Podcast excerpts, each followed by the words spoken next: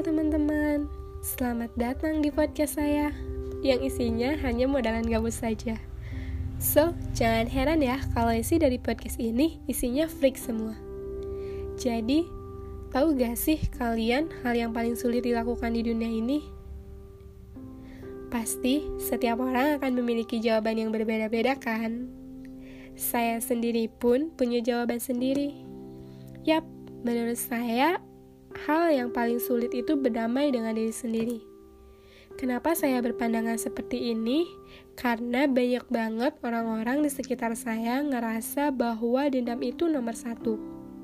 Serem gak sih?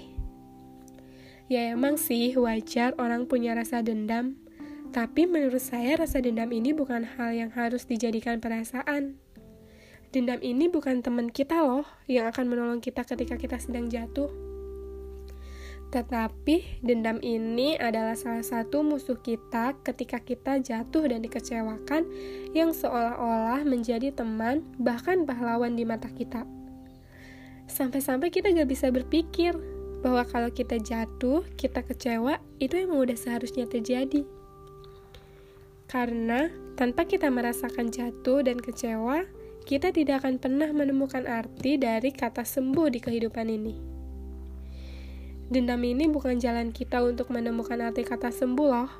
Terkadang, dia hanya sebagai jembatan kayu yang tiba-tiba akan runtuh ketika kita sedang berjalan di atasnya dan banyak sekali angin yang menerpa kita, lalu akan membuat kita tenggelam.